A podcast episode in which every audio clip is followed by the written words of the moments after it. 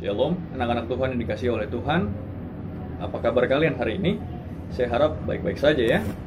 Di video ini saya akan mengajarkan pelajaran agama untuk bab yang pertama. Sebelum kita memulai kelas kita, ada baiknya kita ambil waktu sejenak untuk berdoa dalam hati kita masing-masing. Kita berdoa.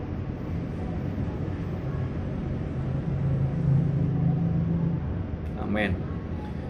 Nah, pelajaran agama untuk bab yang pertama ini berjudul Tuhan Pedoman Hidup Keluargaku. Dan ayat pokok yang akan kita pelajari hari ini terdapat dalam Kejadian 2 ayat 24, 1 Korintus 11 ayat 3, dan Yohanes 2 ayat 1 sampai 11. Apakah kalian mengetahui lirik lagu berikut ini? Saya akan coba nyanyikan, mudah-mudahan tidak terlalu jelek. Harta yang paling berharga adalah keluarga. Istana yang paling indah adalah keluarga. Ya, mudah-mudahan tidak merusak telinga. Dan tentunya apabila kalian tahu, ini adalah lirik lagu dari judul yang berjudul Harta Berharga dan menjadi soundtrack atau tema lagu dari sinetron Keluarga Cemara. Keluarga Cemara tayang di TV pada tahun 1996 dan diakhiri tahun 2005. Kemudian dibuat remake-nya atau video uh, terbarunya, film terbarunya pada tahun 2018. Oke, kata keluarga sendiri sebenarnya saya yakin kalian pasti tidak asing bukan? Karena kalian berkembang dan besar di dalam keluarga. Kalian bertumbuh di dalam keluarga. Sehingga kata keluarga adalah kata yang biasa kalian dengar dalam kehidupan sehari-hari. Nah, keluarga sendiri mempunyai uh, ciri-ciri sebagai berikut. Ada tiga ciri dari keluarga. Yang pertama, keluarga adalah kelompok atau persekutuan sosial yang paling kecil. Yang kedua, keluarga terbentuk apabila ada ikatan darah, perkawinan atau adopsi. Ya. Dari ikatan darah maupun adopsi. Dulu sempat saya berpikir bahwa kalau anak adopsi maka tidak dianggap sebagai keluarga. Tapi anggapan saya salah. Karena berdasarkan hukum, maka anak adopsi dianggap juga sebagai bagian dari keluarga. Dan yang ketiga, ciri dari keluarga keluarga merupakan suatu persekutuan yang berawal dari dua orang yang berbeda jenis kelamin dalam ikatan pernikahan. Itu berarti ketika dua orang menikah tetapi tidak mempunyai anak, maka sudah bisa disebut sebagai keluarga. Oke, ada dua jenis atau dua bentuk keluarga. Bentuk yang pertama adalah keluarga besar dan keluarga inti, ya. Keluarga besar dan keluarga inti. Keluarga inti kita mulai duluan. Ya, keluarga inti itu berarti ayah, ibu, dan anak. Sedangkan keluarga besar adalah keluarga inti ditambah dengan pak kakek, nenek, tante, om, ya, paman, bibi, keponakan, sepupu dan sebagainya. Itulah keluarga besar. Ya, itu berarti seperti artis-artis yang kalian sukai atau mungkin pemain-pemain sepak bola seperti Cristiano Ronaldo dan Lionel Messi itu bukan anggota keluarga kalian karena tidak termasuk dari dalam bagian tersebut. Ya. Nah, keluarga mempunyai fungsi. Ya. Menurut sosiolog ada 9 fungsi keluarga. Fungsi yang pertama adalah fungsi biologis. Fungsi biologis itu adalah fungsi di mana kalian akan dipenuhi kebutuhan secara fisik. Baik secara gizi, itu berarti kalian diberikan makanan yang bagus, makanan yang sehat. Lalu kebutuhan secara biologis juga berarti kalian akan dirawat oleh orang tua kalian secara fisik yang lainnya. Yang kedua, fungsi sosialisasi itu berhubungan dengan pembentukan kepribadian kalian. Kalian bertumbuh menjadi orang-orang yang baik, orang-orang yang seperti apa, itu adalah fungsi dari sosialisasi keluarga. Yang ketiga, fungsi afeksi. Afeksi ini adalah dari kata kasih sayang. Itu berarti keluarga mempunyai fungsi untuk memberikan kepada kalian kasih sayang. Keluarga akan memberikan uh, kalian perhatian dan keintiman. Rasa aman juga diberikan oleh oleh keluarga. Itulah fungsi dari afeksi. Yang keempat, fungsi edukatif. Nah, ini berarti bahwa keluarga kalian mempunyai fungsi untuk memberikan kalian pendidikan, mengajarkan kalian. Dan itu juga berarti bahwa keluarga kalian harus menyekolahkan kalian supaya kalian mendapatkan pendidikan yang yang terbaik.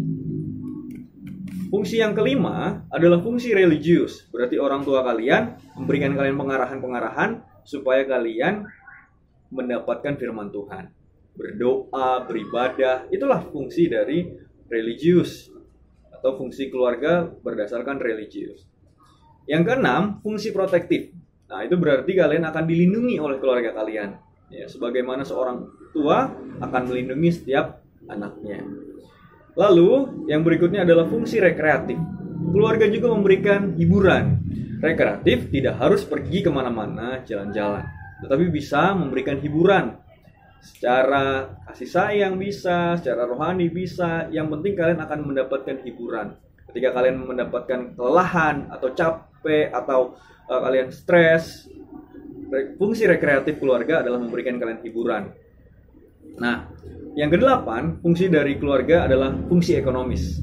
Itu berarti kalian akan diberikan uh, kebutuhan secara ekonomi. Ya, mungkin uang, ya. Itu berarti orang tua kalian akan menafkahi kalian. Dan yang terakhir, yang kesembilan, fungsi status sosial. Nah, berarti kalian akan atau orang tua kalian akan mewariskan sesuatu kepada kalian. Tidak harus uang juga. Ini bisa berarti ilmu, ini bisa berarti agama atau hal-hal lainnya yang bisa diwariskan kepada anak-anak. Itulah sembilan fungsi dari keluarga berdasarkan sosiolog. Nah, sekarang keluarga juga mempunyai fungsi secara uh, Alkitab atau iman Kristen. Ya, ada tiga fungsi secara iman Kristen. Yang pertama, kejadian 1 ayat 28 bahwa keluarga itu adalah teman sekerja Tuhan untuk mengelola alam. Ya, berarti ke kelestarian alam itu adalah tugas utama dari manusia. Manusia punya tugas untuk melestarikan alam, menjaga lingkungan, menjaga kebersihan. Nah, itulah tugas yang pertama diberikan Tuhan kepada manusia dalam kejadian 1 ayat 28. Yang kedua, sebagai lembaga pendidik utama dan pertama. Itu tertulis dalam ulangan 6 ayat 4 sampai 9. Ya, di sinilah dinyatakan bahwa sebenarnya pendidik atau sekolah pertama dari seorang anak itu berasal dari keluarga. Ya, pertama dan terutama ya kalian lahir di sebuah keluarga maka keluarga lah yang memberikan pendidikan yang pertama dan terutama. Artinya tanggung jawab keluarga dalam pendidikan itu yang terbesar dan terutama. Punya sangat punya peranan yang sangat penting dalam memberikan pendidikan kepada kalian. Dan yang terakhir yang ketiga keluarga mempunyai fungsi yaitu menjadi wadah untuk mengekspresikan kasih. Nah, itu berarti kalian akan membuktikan uh, kasih kalian, kesetiaan kalian terhadap keluarga. Sebagaimana tertulis Efesus 5 ayat 22 sampai 23 dan Efesus 6 ayat 1 sampai 3. Saling menghormati, saling mengasihi dan saling setia di dalam keluarga. Itulah fungsi menurut iman Kristen. Ya. Berikutnya di dalam uh, kehidupan membangun keluarga, maka ada tiga landasan yang penting yang perlu dimiliki untuk membentuk sebuah keluarga. Berdasarkan kejadian 2 ayat 24, sebab itu seorang laki-laki akan meninggalkan ayahnya dan ibunya dan akan bersatu dengan istrinya, sehingga keduanya menjadi satu daging. Ada tiga landasan untuk membentuk sebuah keluarga. Yang pertama, meninggalkan orang tua. Hidup terpisah dari orang tua. Karena sudah membentuk keluarga yang yang baru. Lalu berikutnya yaitu bersatu dengan istrinya. Ya. Suami dengan istri bersatu. Dan yang terakhir menjadi satu daging. Satu kesatuan, bukan lagi dua, tapi sudah menjadi sah satu. Ya. Nah, seandainya Tuhan diutamakan, maka kebutuhan keluarga akan sukacita, kekuatan, kemenangan, dan penghiburan, semuanya ini akan terpenuhi. Itulah yang tertulis dalam kisah pasal 2 ayat 46. Ya, bahwa eh, jemaat mula-mula yang mendekatkan dirinya kepada Tuhan mereka mendapatkan sukacita, kebahagiaan karena mereka dekat dengan dengan Tuhan. Ya. Oke, sekarang kita melihat bahwa kenapa kita perlu belajar mengenai keluarga. Padahal saya yang mengajarkan tentang keluarga belum berkeluarga.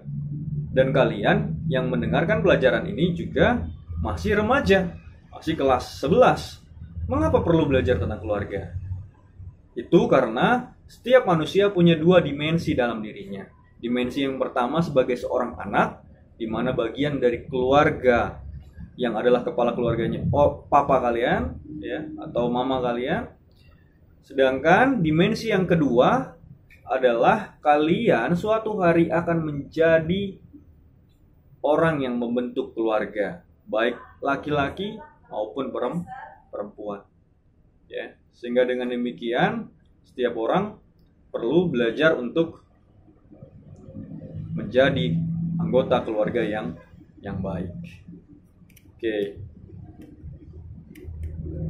Kita juga melihat bahwa kebutuhan pengetahuan akan keluarga itu sangat penting karena kita harus menyadari bahwa keadaan keluarga pada masa kini itu punya banyak sekali masalah dan pergumulan yang dihadapi.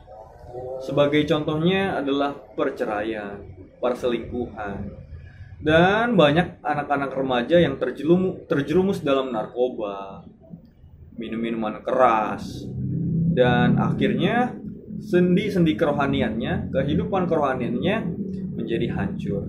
Itulah sebabnya kita perlu belajar mengenai keluarga dan khususnya menjadi anggota keluarga Kristen. Ya. Oke. Kita juga harus tahu bahwa keluarga itu mempunyai peranan penting bagi orang lain, ya. Kita sebagai keluarga Kristen punya peranan penting. Yang pertama, kita di dalam keluarga itu adalah pusat. Berarti tidak ada tempat lain. Ya.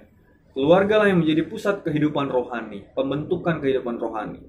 Keluarga yang punya peranan penting dalam membentuk kerohanian setiap anggota keluarganya, orang tuanya maupun anaknya. Semua itu dibentuk dalam dalam keluarga. Yang kedua, setiap orang yang berada dalam keluarga itu mempunyai tempat atau menjadi tempat dari tinggalnya Yesus dalam keluarga dengan kehadiran Tuhan dalam keluarga, maka Tuhan punya tempat bernaung. Keluarga sebagai tempat ber bernaung. Yang ketiga, keluarga Kristen mempunyai fungsi untuk menjadi cerminan, menjadi pantulan kepada orang lain. Kita adalah perwakilan Tuhan kepada manusia. Oke.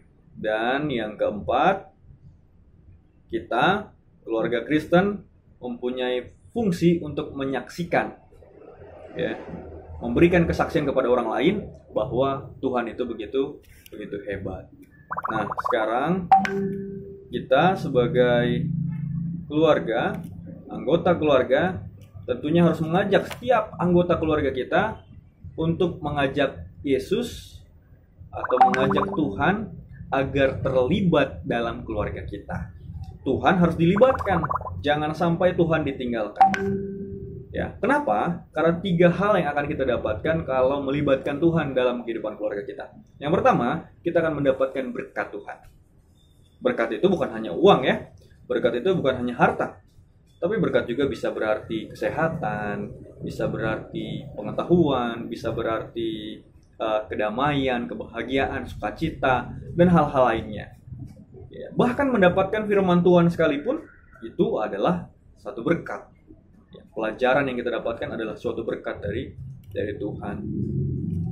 Yang kedua, apabila kita melibatkan Tuhan dalam kehidupan kita, kita akan mendapatkan pengampunan.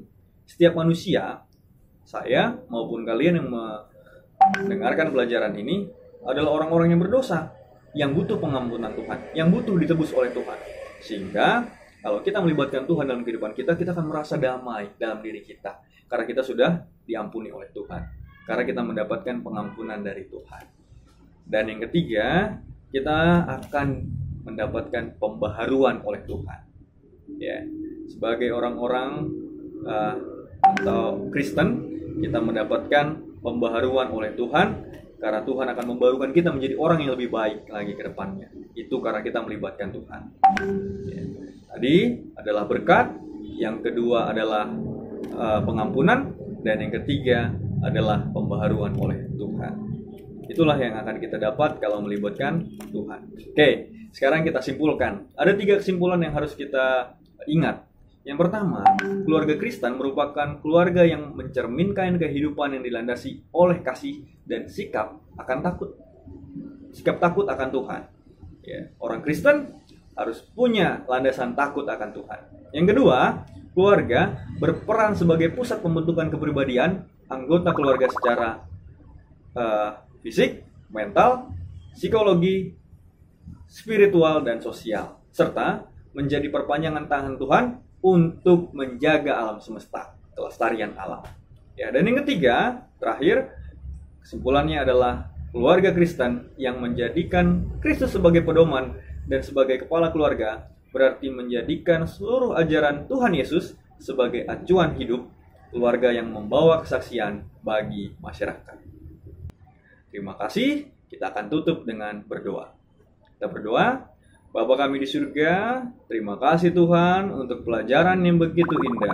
Kami diajarkan untuk menjadi orang-orang yang suka untuk menjaga keluarga kami satu sama lain. Supaya kami membawa keluarga kami dekat kepada Tuhan. Bantu kami Tuhan, bantu kami. Kami berdoa di dalam nama Kristus Yesus, Tuhan dan Juru Selamat kami. Amin.